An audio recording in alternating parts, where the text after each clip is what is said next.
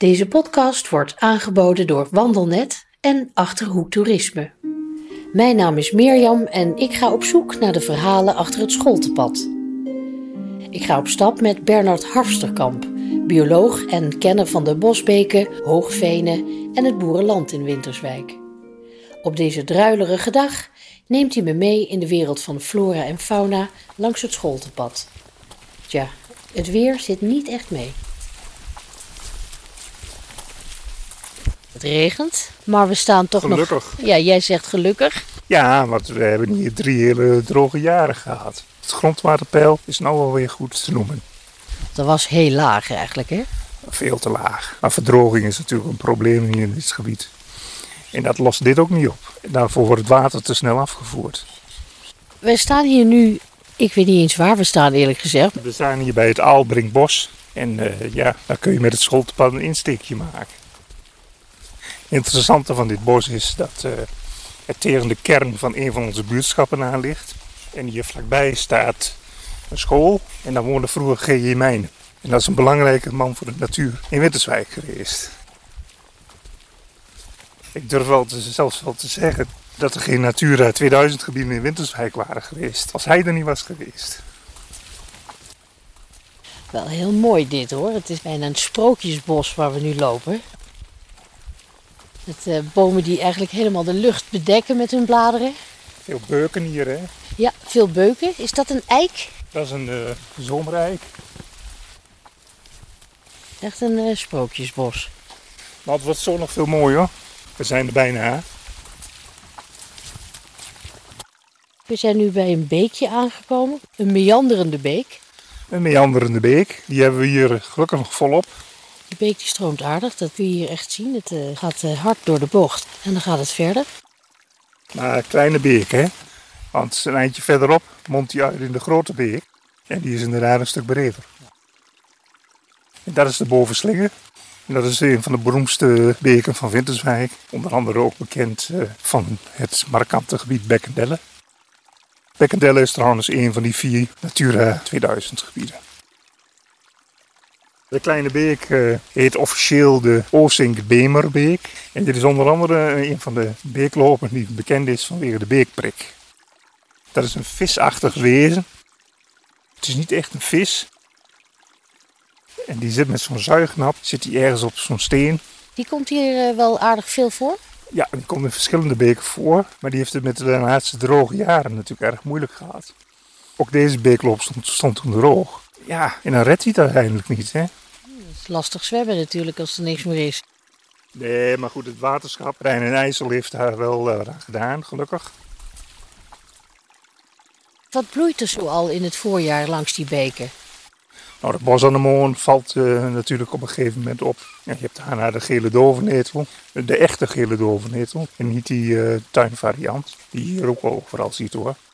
Maar je hebt ook Salomonszegel, de aantalkruid later in het jaar. Het is te veel om allemaal op te noemen. Maar de kleine beek, met name de bovenslingen, heeft ook één echte eigen plant. En dat is de bosgeelster. En die kan zelfs al, als het een goed jaar is, in februari in bloei zijn. We hebben hier een aantal zeer grote groeiplaatsen. En die zijn eh, zeker een bezoek waard. Maar als je bijvoorbeeld naar de Raadsenbeek en de Willingbeek kijkt, was vooral het ruig klokje een typerende plant, maar die is nagenoeg weg. En je weet nooit precies waarom. Wat kun je hier zo al aantreffen? Wat echt een beetje eigen is voor de omgeving Winterswijk. Zomereiken, wintereiken. We hebben hier echt nog wintereikenbos. Want dat is bijzonder. Een wintereik komt minder vaak voor dan de zomereik. Het blad is iets anders, de stam is iets anders. De wintereiken en zomereiken. Heeft niks met zomer en winter te maken. Want ze hebben allebei blad in de zomer en in de winter niet. Zullen we hier echt gaan? Ja.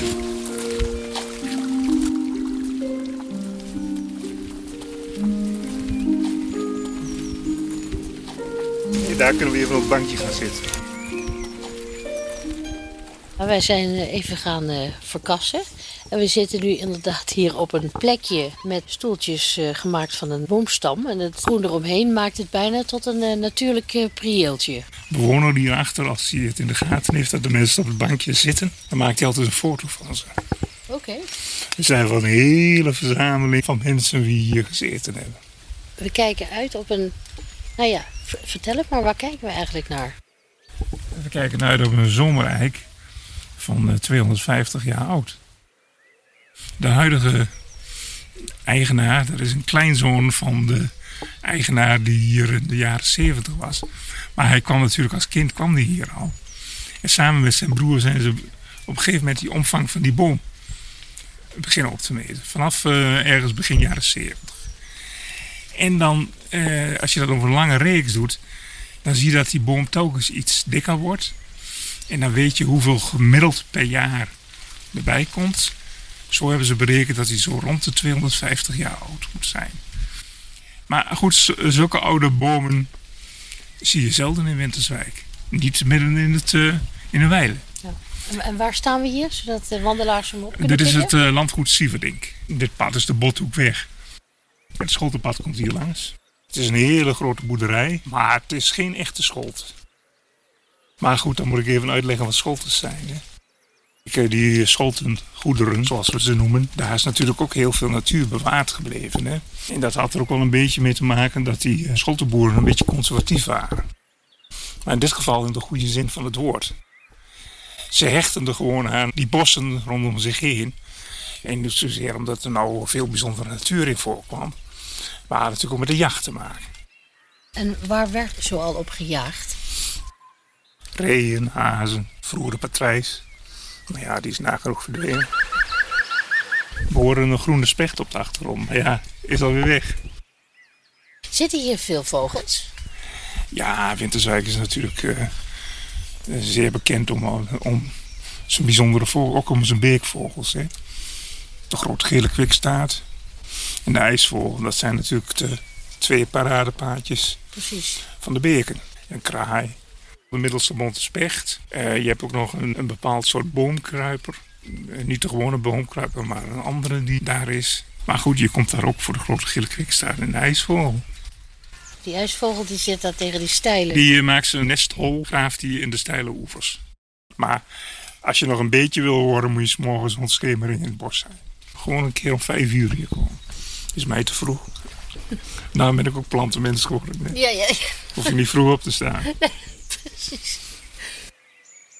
Dus een grote diversiteit aan vogels. Ja, nou ja, die grote bossen die trekken natuurlijk ook bepaalde types vogels aan. Hè. Eh, Zoals de middelste grote bonte specht. En dat was twintig jaar geleden nog een vrij zeldzame vogel. Maar nu komt hij toch veel voor in onze bossen. Kijk, dat is een positieve verandering in de natuur. Hè? Natura 2000 gebieden, Ja. die tref je hier ook aan.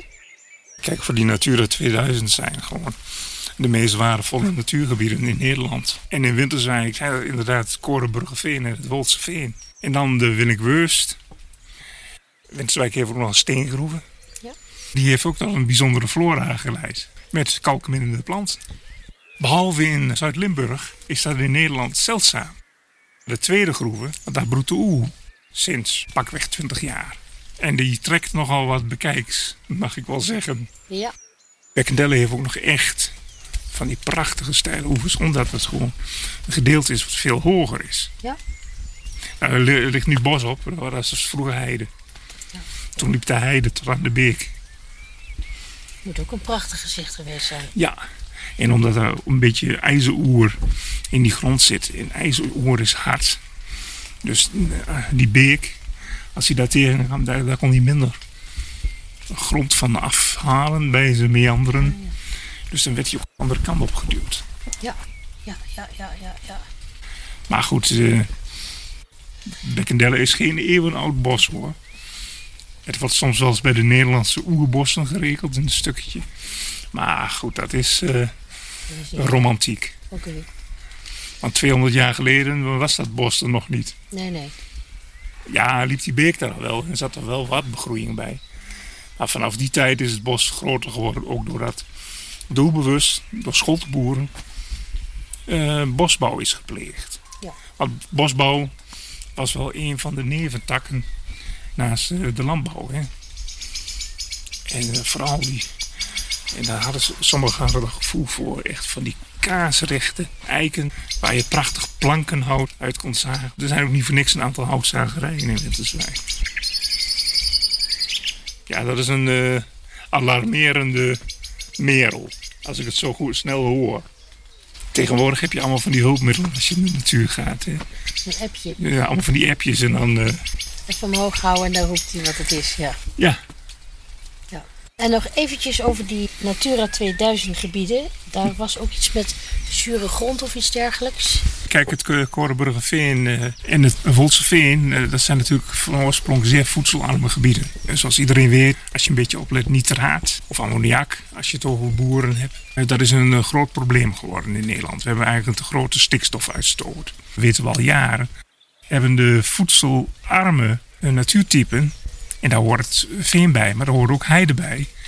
Die hebben het moeilijk, want je hebt een tijd lang heb je heel erg de vergrassing gehad met pijpenstrootje. Als die grond voedselrijker wordt, ja, kunnen er ook bepaalde bomen eh, gaan groeien die je eigenlijk ongewenst vindt. En dan komen er allerlei soorten die wel van een beetje voedselrijke grond houden. Dus als je niks zou doen, zal de natuur op den duur wel eenvormiger worden hier. Nou, de venen hebben dan nog de bijzonderheid natuurlijk dat ze oogveenvorming hebben de zuurgraad van die venen die, nou ja, die zal nog niet zo heel gauw uh, veranderen. Maar je kunt het wel heel erg aan de vegetatie zien. En dus ook van de soorten die van die vegetatie afhankelijk zijn. Maar gelukkig, de Bolsveen en het Korenburgerveen zijn ze nagenoeg klaar met de herstelmaatregelen. Uh, de rondomheen zijn grote bufferzones uh, aangekocht en ingericht inmiddels. Er is een nieuwe natuur in die bufferzones ingericht. Door bijvoorbeeld de voedselrijke bovenlagen te verwijderen en grondwater. Daar is flink wat aan gedaan. Onder andere door van die damwanden in de venen te slaan. En voor Winterswijk geldt nu dat de grootste natuurwinst te boeken is in het boerenlandschap zelf. Ja. En wat minder in die uh, Natura 2000 gebieden, want daar hebben we al een hoop voor gedaan.